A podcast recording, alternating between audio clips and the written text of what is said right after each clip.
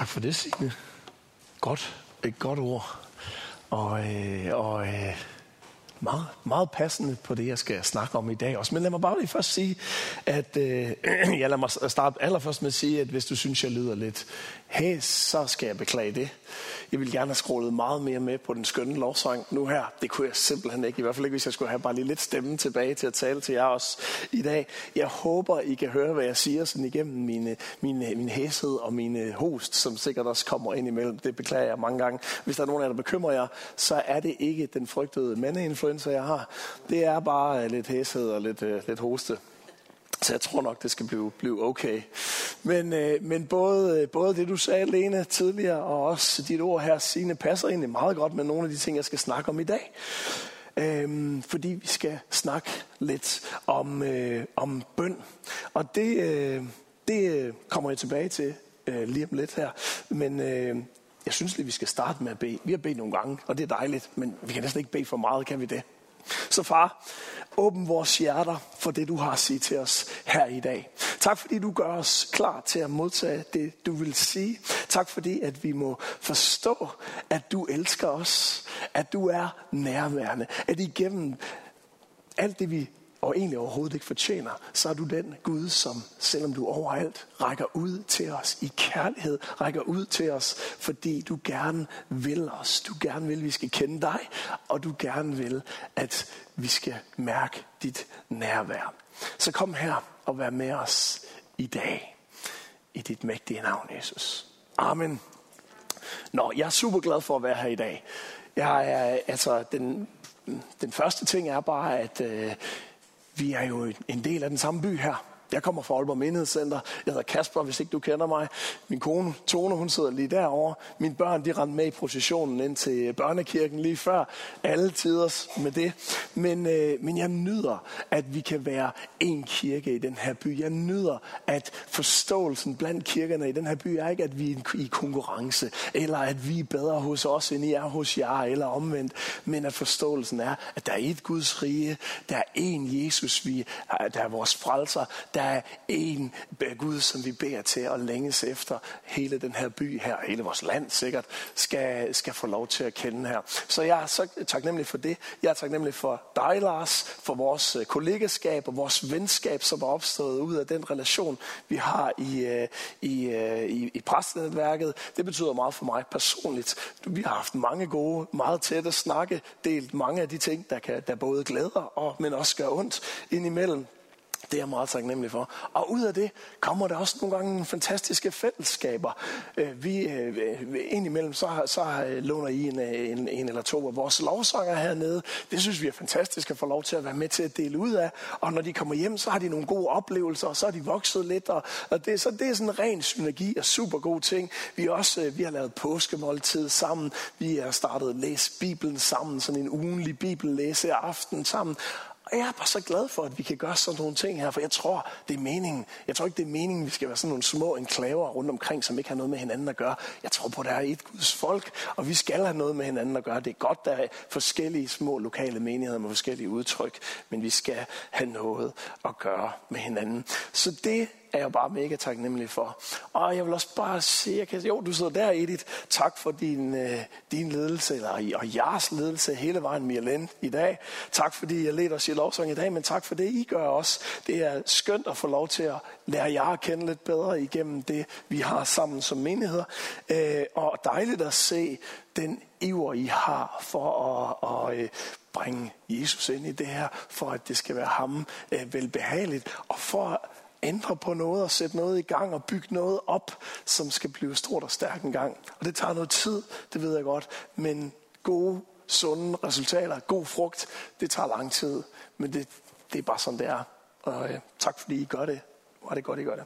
Hvis du har din bibel med, så kan du slå op på Matteus evangeliet, det syvende kapitel, og fra vers 7 til 11.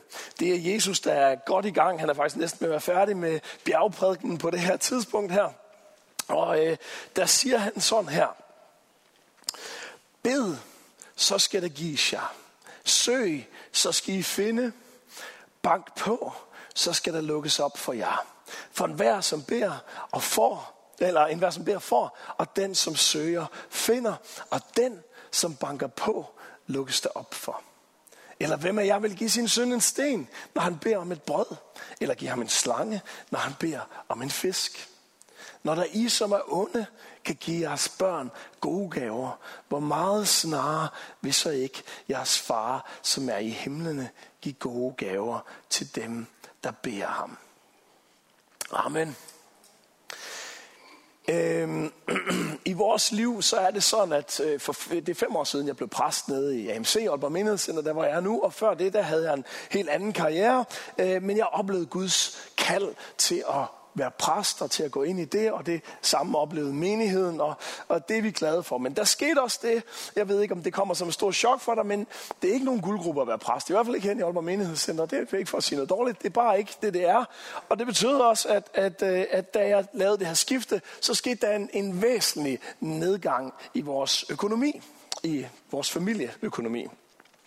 Og, og det ledte faktisk ind i en tre års lang kamp, hvor vi, hvor vi kæmpede med økonomi. Og det kom så lidt ud af, at vi havde noget gæld, som vi afdragede en masse på. Da jeg kom ned i vores bank og sagde, nu, øh, nu har jeg fået et andet job, øh, så, så, øh, så jeg kan ikke rigtig, vi kan ikke rigtig betale det af, som vi plejede at gøre. Så kiggede bankdamen på mig og sagde, Nå, det var da synd for dig, at du blev fyret. Så sagde jeg, jamen, jeg blev ikke fyret. Jeg har bare valgt det her øh, gør noget andet. Nå, jamen, hvis du har valgt det, så må I jo kunne have den samme økonomi, som jeg havde før. Og det kunne vi bare på ingen måde. Og vi kæmpede faktisk. Vi kæmpede i tre år, hvor vi bare var bagefter og bagefter og bagefter. Havde ikke penge til at, til at betale det, vi skulle hele tiden. Og det blev bare værre og værre. Og, og, og jeg bad, og jeg bad, og jeg bad igennem det her. Øh, øh, i, I min tid sammen med Gud og så videre.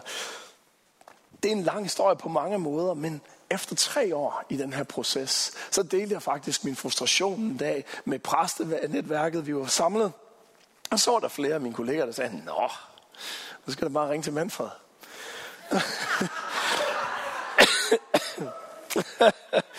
og, øh, så ringede jeg, nej, det, det er faktisk ikke helt rigtigt. Der, jeg tror faktisk, der gik et par uger, før jeg, før jeg tog mod til mig til at ringe til Manfred. For jeg tænkte, tænk, tænk nu, hvis han kunne hjælpe alle andre, men han kunne ikke hjælpe mig.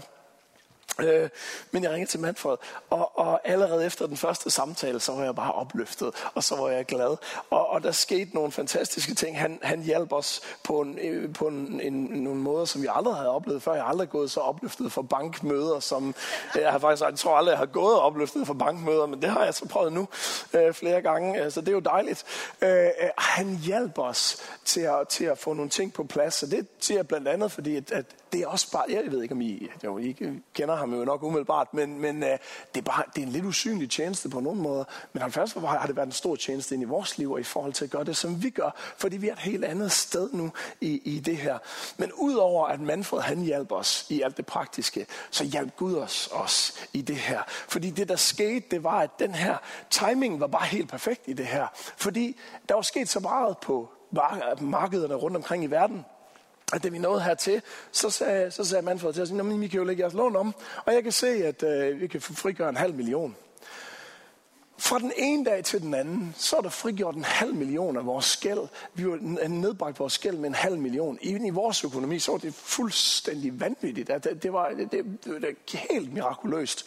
Og det vi havde bedt om i tre år, det, gik, det var bare den ene dag efter den anden med kamp det var forløst nærmest fra dag til dag på grund af det her. Og sådan gør Gud nogle gange. Sådan griber Gud nogle gange ind. Er der nogen, der har prøvet det, at han har grebet ind, det, oplevet et eller andet mirakel? Det er fantastisk, og det er dejligt at dele sådan en historie. Det er jo ikke så dejligt undervejs altid, men det er dejligt, når man deler den efterfølgende og kan fortælle de her gode vidnesbyrd. Men sagen er jo, at selvom du måske har sådan en historie her, så kan det også være, at du har en historie om det modsatte. Det kan også være, at du har en historie om, noget, du bad og bad for, øh, bad og bad for, men som ikke skete.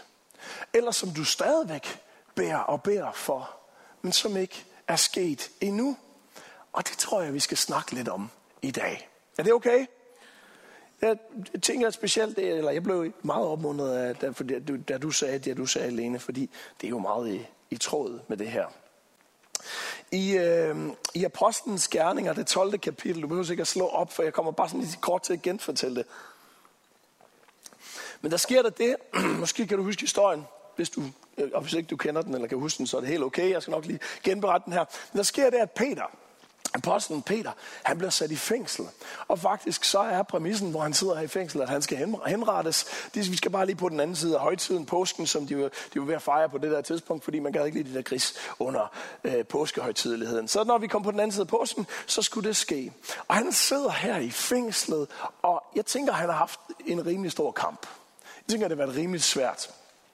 Vi ved, at menigheden, som er omkring dem, de troende, de bad for ham. De bad vedholdende øh, og udholdende for ham, for ham mens han, han sad dernede. Og natten før, henrettelsen den skal ske, så sker det det fantastiske, at der kommer en engel og giver ham et puff i siden og siger, kom med. Og i starten, så tror han bare, det er sådan syn, men den ene dør efter den anden, og porte og så videre, de vælter og åbner sig for ham. Og så, øh, så går han ud, og lige pludselig så står han ude på gaden helt alene, og englen forlader ham, og så får han finder ud af, hey, det var faktisk ikke et syn, det var faktisk virkeligheden, det her.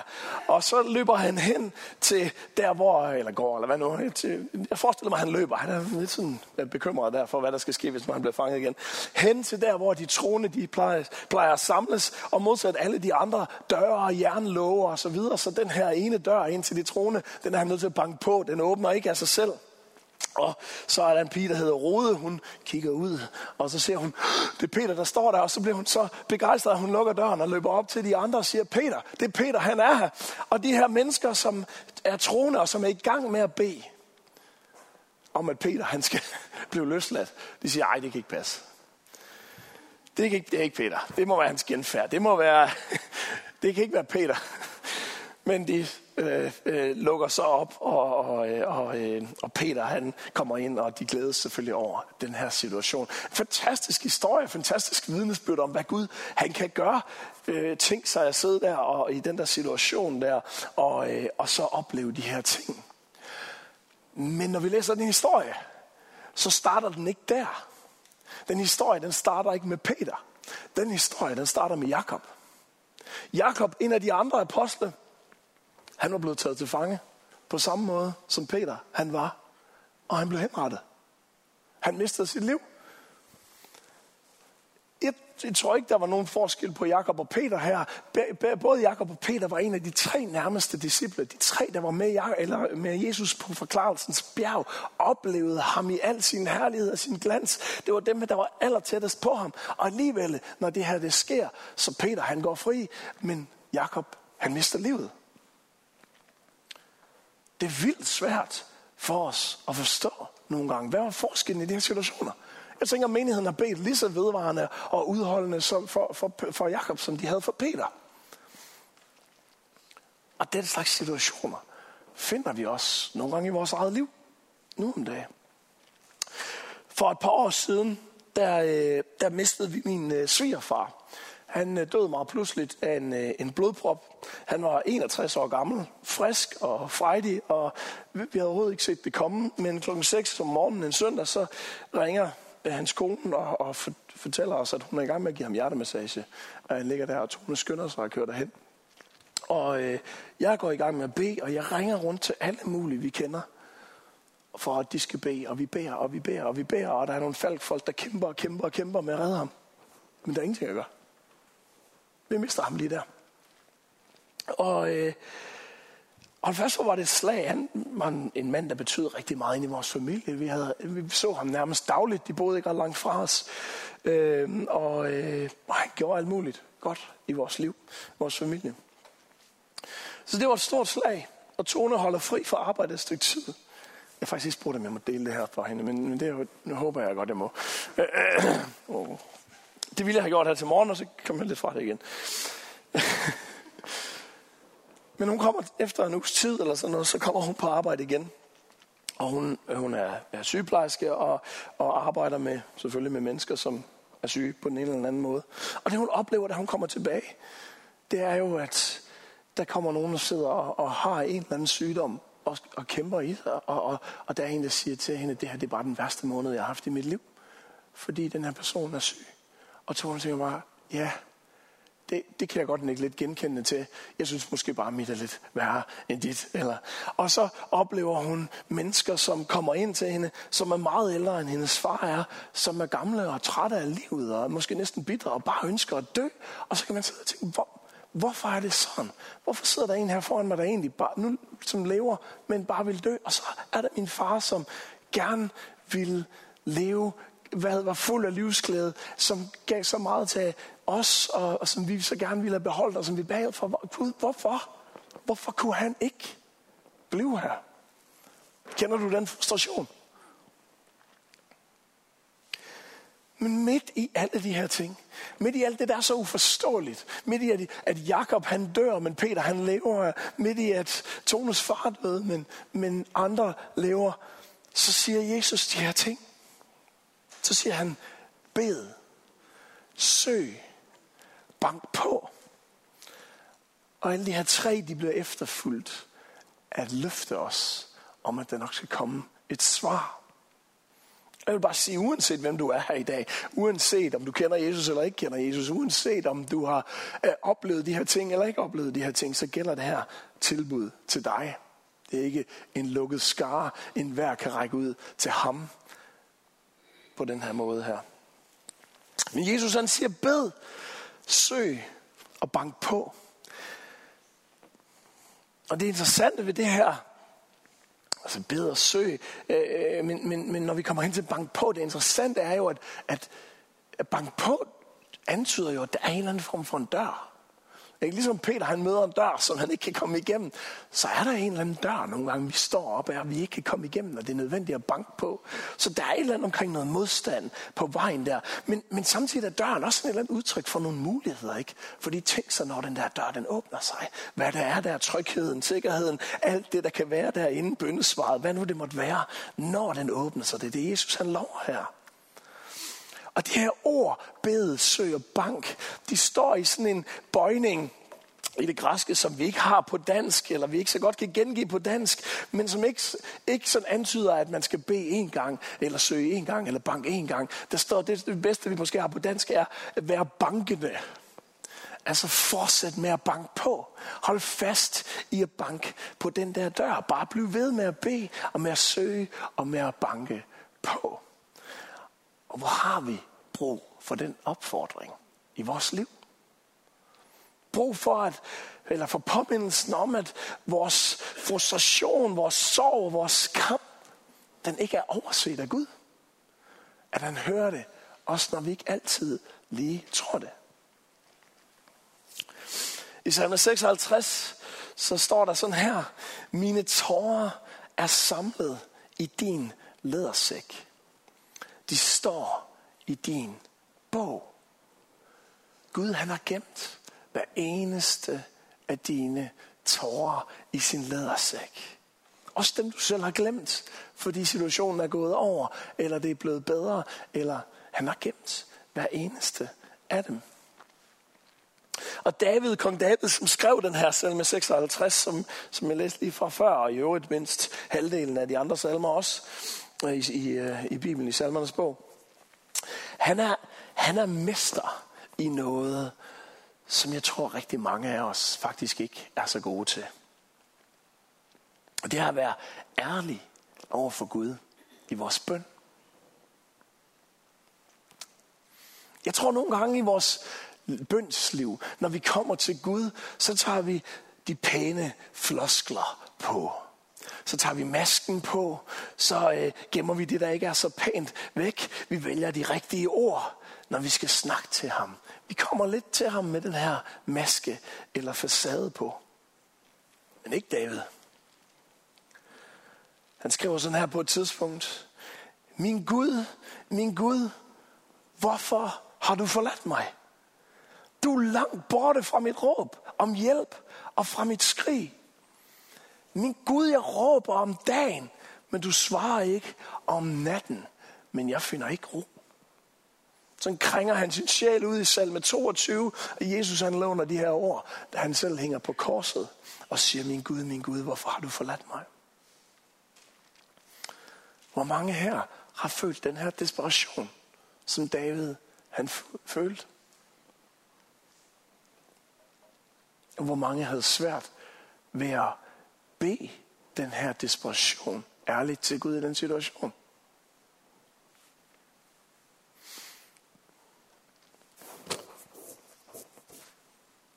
Det er vigtigt at huske på, at ham som vores beden og vores søgen og vores banken på, ham som det skal være hos, han er i Jesu ord for tidligere en god og kærlig far.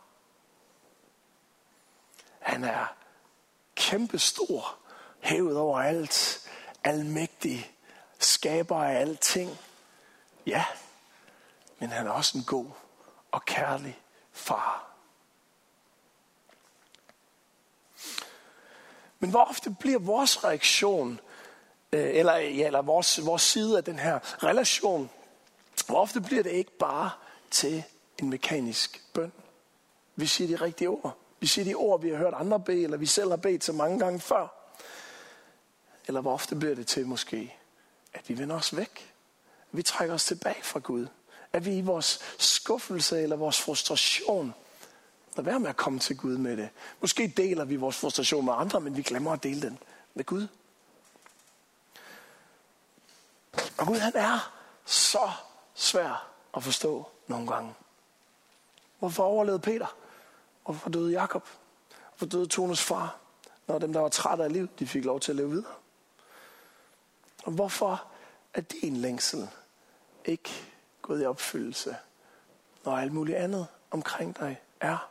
Det kan nogle gange være, det kan være godt, det er rigtig dejligt at høre vidnesbyrd om, hvad Gud han gør, men det kan faktisk også godt være svært nogle gange, når man selv står i en svær situation, og høre om det Gud han har gjort ved andre. Når man selv kæmper.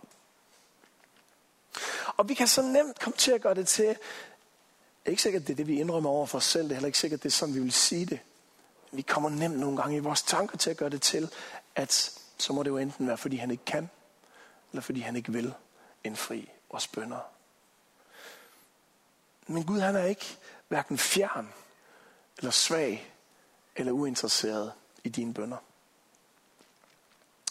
I Johannes åbenbaring, der får vi et glimt ind i netop det her.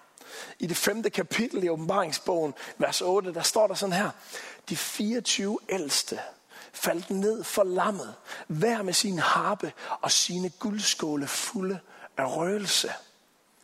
Det er de helliges bønder, står der. Så hver eneste af dine bønder, de er ikke bare hørt. De er ikke bare, Gud han har ikke bare sådan registreret, dem og har sagt, okay, jamen, nu ved jeg, at du gerne vil det. De er samlet i guldskåle foran Guds trone. Og hvad skal der ske med dem? Der står der lidt senere i åbenbaringsbogen, det 8. kapitel, fra vers 3 af, der står der, og der kom en anden engel og stillede sig ved alderet med et røgelseskar af guld.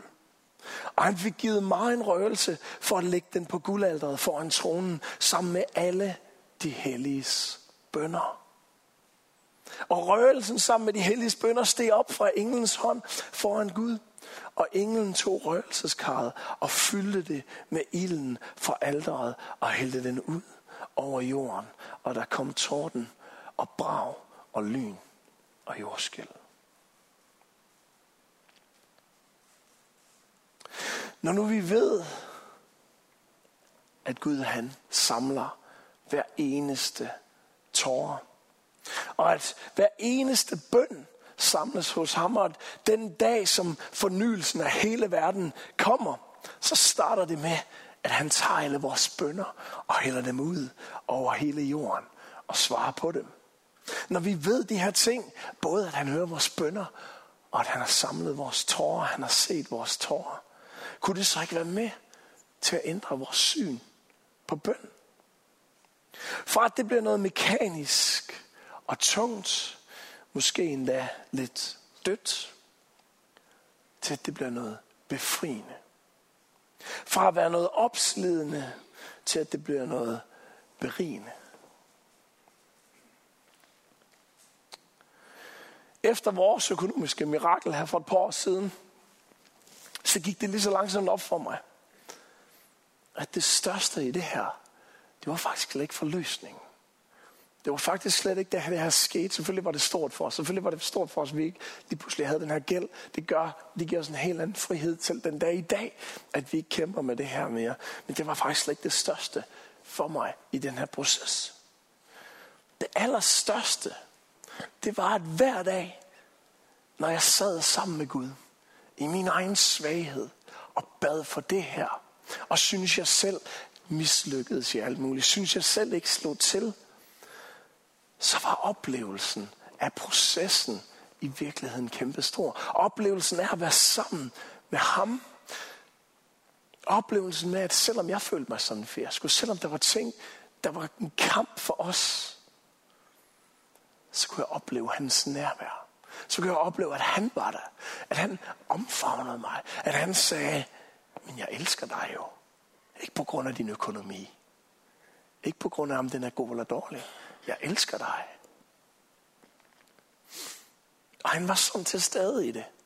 Og han er stadigvæk sådan til stede. Også nu. I de ting, vi kæmper med nu. Men i mine svage øjeblikke, så kan jeg godt komme til at glemme det nogle gange. Desværre både bevidst og ubevidst. En gang imellem, så kan jeg godt glemme at få sat tid af til at være sammen med ham. I bøn.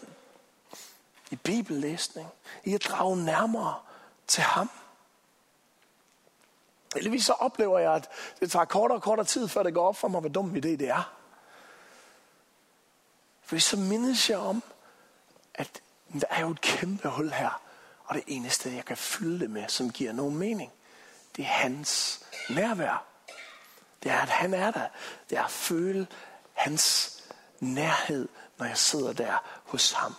Og derfor så har jeg sat det i et system. Helt lavpraktisk og kedeligt. At det er mit mål at være sammen med ham hver dag, når jeg står op. Hver dag midt på dagen. Og hver dag, før jeg lægger mig til at sove. Og det ser forskelligt ud dag, hver dag. Nogle dage har jeg lang tid til det. Nogle dage har jeg overhovedet ikke lang tid til det. Og så bliver det bare en kort tanke, en kort bøn eller et eller andet. Og så er der også de dage, hvor jeg helt glipper det og glemmer det, bevidst eller ubevidst. Og måske lyder det stift tungt for dig, det her. Det ved jeg ikke. Det gjorde det faktisk for mig selv for bare nogle år siden.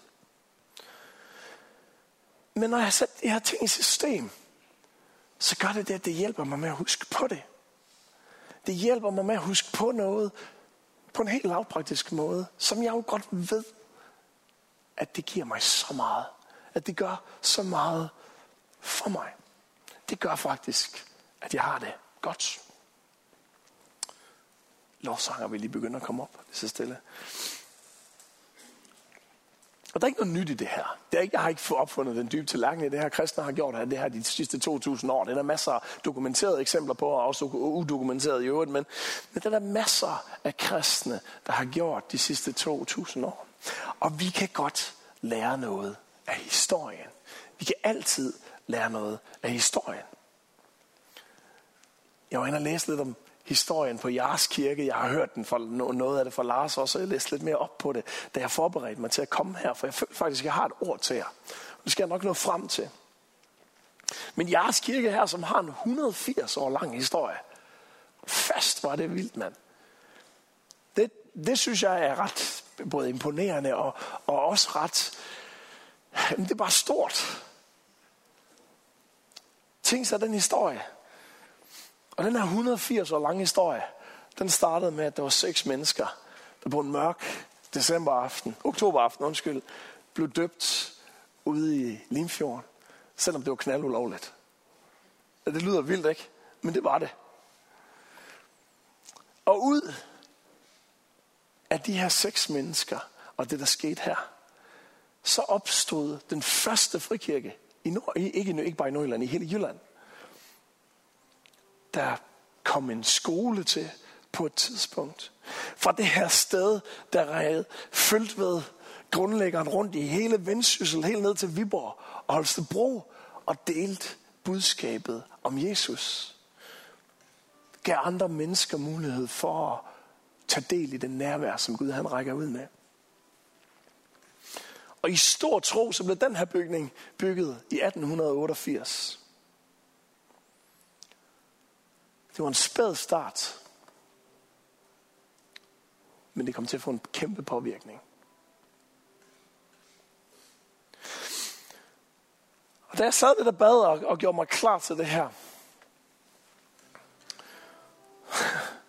så mindede Gud mig bare om Bel i Bibelen.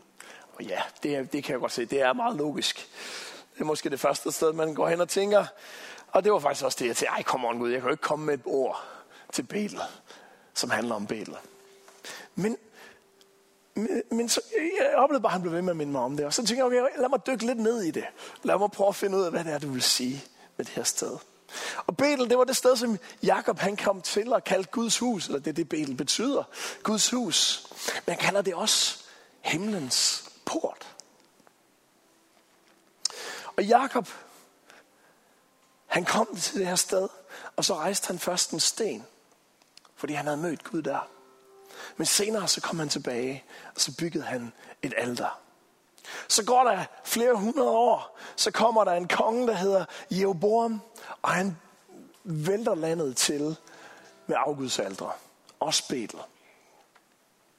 Men mens han er der, mens det her det sker, så kommer der et ord på Betel, eller til Betel, og på det her sted. Et profetisk ord om langt frem i tiden, at der skulle komme en Josias, som ville ændre det igen. Og Josias, han kom. Han blev konge. Han rev alle ærgudsalterne ned.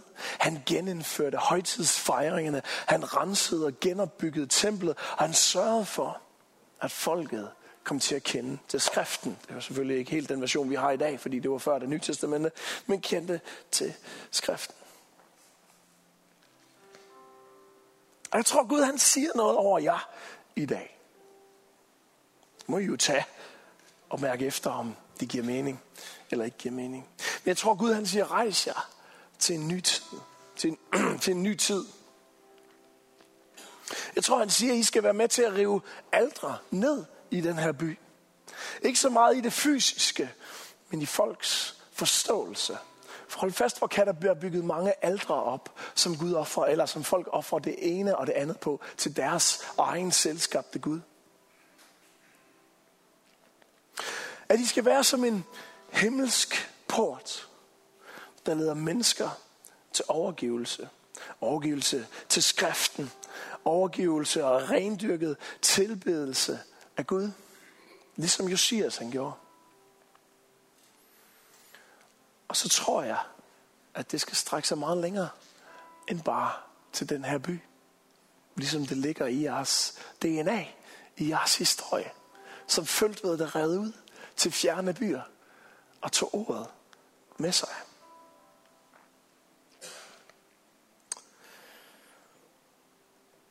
Men den slags kommer ikke uden udfordringer. Det kommer også til at gøre ondt nogle gange. Historien om Føltved og starten på den her kirke lyder jo fantastisk. Men lidt dybere ned i historien, så viser det sig, at Føltved, han mister sit job. Fordi han ikke ville makke ret fordi de ikke kunne tale ham til rette omkring hans tro. Hans børn de blev tvangsstøbt, og det ene efter det andet sted, så mødte de udfordringer i systemet og blandt mennesker. På grund af det, de havde valgt. Og der forstår jeg, tror jeg også, at den her rejse, det her med at rejse sig, det starter med dig. Det starter med, at du beder. At du søger at du banker på vedholdende. Det starter med, at du tør være ærlig over for ham, over for Gud. Fortæl ham om din frustration, når du har det. Ja, vi skal, vi skal prise ham, vi skal tilbe ham, vi skal fortælle ham, hvor fantastisk han er. Helt klart. Ja, han er Gud over alt. Han er så stor, og i forhold til ham ikke bare blegner vi, vi er det rene ingenting. Men han er også den kærlige far, som vi kan komme og fortælle de her ting til. Fortælle frustrationen, i stedet for at dele den med andre. For hans lædersæk, den er åben til at samle alle dine tårer.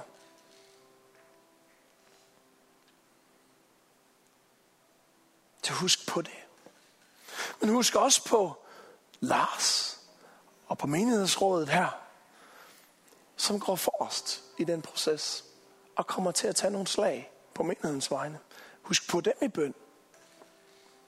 Lad bønder for dem fylde guldbæret. Med guldkarret. Og husk dem, der står heroppe. Lovsangsgruppen. Edith. Og den opbygning, som er i gang med at ske her. Og det tager tid. Vi vil så gerne have ting, de går hurtigt. Vi vil så gerne have ting, de løses hurtigt. Men det tager tid.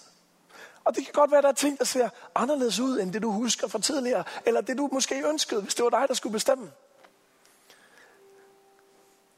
Have tålmodighed. Og have tro. Det kan godt være, at det her det kommer til at tage længere tid, end du har troet. Det kan godt være, at det der kommer til at se anderledes ud, end du har troet. Den proces, som I skal ind i. Men de vedvarende gode ting, de bygges op ved at gøre det rigtige over lang tid. Det er sjældent de hurtige strategier og fikse idéer, der lige får løst noget på lang sigt.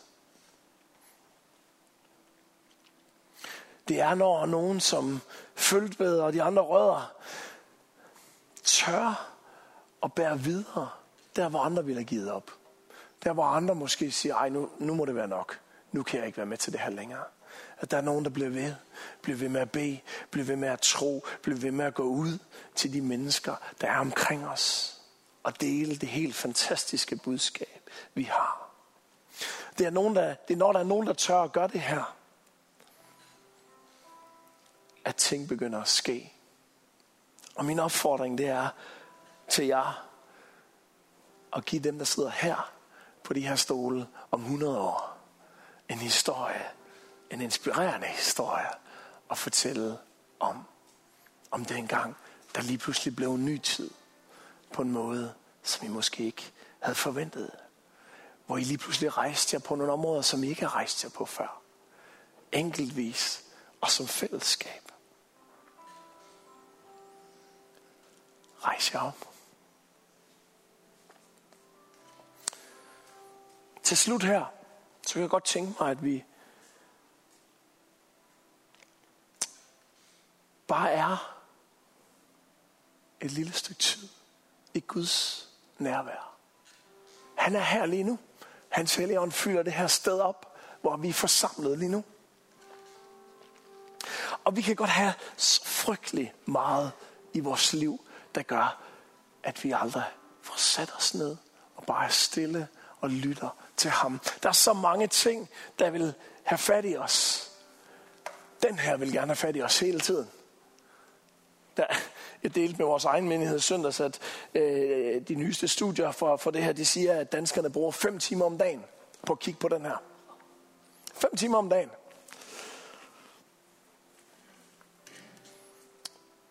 Og hold fast, var der meget af det, vi kigger på den, der er ligegyldigt. Og hvis du tænker, ja ja, det er ikke mig, så kig lige på din sidemand og så bed en bøn for dem, fordi det betyder bare statistisk set, så bruger de 10 timer. Og jeg siger det bare, fordi det er så nemt at tænke, ja ja, hvor meget betyder det? Eller ja, det gør jeg jo heller ikke. Eller det kan slet ikke passe. Eller, men måske er der faktisk noget af det. Måske er der faktisk noget om det, at vi fylder vores hverdag med så mange ting, der larmer. Så mange ting, som vi har travlt med. At vi ikke får givet stillhed. Og Gud han er i stillheden. Gud han taler i stillheden. Gud han taler når vi giver ham lov til det. Det kan godt være, at han ikke siger lige de ord, du havde regnet med. Det kan godt være, at han ikke lige svarer på det spørgsmål, du kom med lige der. Nogle gange gør han, nogle gange gør han ikke. Men han er der med sit nærvær. Og for mig var det noget af det, jeg oplevede allerstærkest under den her tid i vores, vores krise dengang. Det var, hvordan han bare kom og sagde, men jeg elsker dig. Og den her følelse af at rejse sig op bagefter, og bare være fri. Problemerne var der stadigvæk, de økonomiske problemer var der, men men Gud han var der også. Og det er så fantastisk. Så lige nu, der har jeg bare lyst til at opfordre jer til at lukke øjnene. Og så åbn dig for det Gud, han vil lige nu. Ikke fordi han skal sige noget bestemt, men bare fordi, at du skal mærke ham. For nogen så er det her ikke noget særligt, så er det ikke noget nyt. Det kan være, du gjorde det her i morges, og, og det, han var der. Det er fantastisk dejligt, hvis det er sådan. For andre, så er det her måske noget, du har oplevet en gang, men synes, det er længe siden, du har oplevet. Og for andre igen, så vil det være sådan, at det her det er aldrig noget, du har oplevet. Måske fordi du ikke har tænkt på det, eller måske fordi du har længtes efter det, men ikke man helt har vidst hvordan, eller helt har fået det gjort, eller et eller andet. Men det gør ikke noget. Fordi Gud han siger, at når vi søger, når vi beder, når vi banker på, så svarer han os. Så mens lovsangen spiller her, så lad os bare tage en stund og være stille. Og så fokusere på Gud. Brug et lille trick, hvis du har brug for det. For mig hjælper det nogle gange at prøve at forestille mig Jesu ansigt, der smiler til mig, fuld af kærlighed. Det kan også være, at det hjælper dig at bare trække vejret dybt ind og ud nogle gange. Og mens du gør det, så sig Jesus. Eller kom, Helligånd. Der er ikke noget magisk ved nogle af de her ord. Det er ikke det, det handler om. Det her det handler ikke så meget om Jesus. Det handler om, hvad vi kan gøre, når vi indstiller os på det. Fordi så er det med til at fokusere vores tanke. Og kommer, den, kommer du lige pludselig til at tænke om, hvad den frokosten den skal bestå af, eller hvad det nu var, du fik sagt til en eller anden i går, eller hvad det egentlig er, du skal gøre på arbejdet i morgen, eller hvad ved jeg, hvad for nogle notifikationer, du er gået glip af på telefonen, mens vi har været sammen her.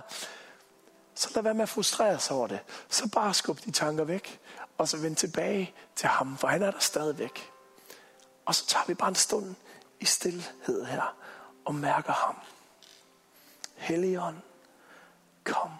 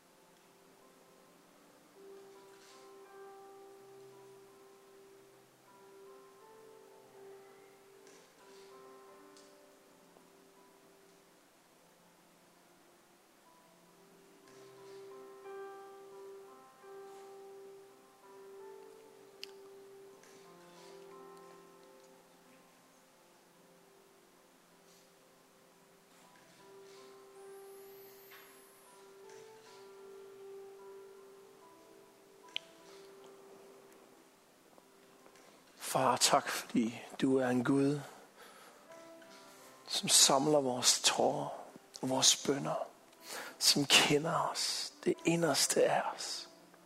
Og tak fordi du er en Gud, som taler. Jeg beder dig om, at du har talt til mennesker nu her. Og måske er det vejledning, måske er det trøst, måske er det opmundring. Jeg ved ikke, hvad han har talt til dig. Gud, uanset hvad du har talt, så beder jeg om, at det må live op, at det må flamme op, at det må være med til at give os en større længsel efter dig. Og minde os om at bede og søge og banke på din dør hver dag. Om det er kort eller lang tid, men at vi husker at prioritere det. At vi husker at prioritere dig. Vi husker at se hen til dig. At vi længes efter dig. Og jeg beder dig, at når vi i dagene, der kommer, hver især gør det her, derhjemme, eller hvor vi nu er, at så må vi opleve helt nye sider af dig. Ting, som vi ikke har set før. Måske er det bøndesvar, måske er det konkrete ting, men at vi også bare må få lov til at se en lille fli mere af, hvem du er. Forstå lidt mere af dit kærlige væsen. Den far, som elsker os overalt. Den far, som er så god, at du valgte at give dig selv igennem din søn. Mist alt, for at vi kunne få alt, når vi tager imod dig, troen på dig, som gik på korset for os. Tak, Jesus, for den fantastiske, det fantastiske privilegie, det er, at vi kan kende dig, og at du hver eneste dag længes efter det. Længes efter at vise lidt mere af dig selv til os. Længes efter samværet, nærværet med os. Amen.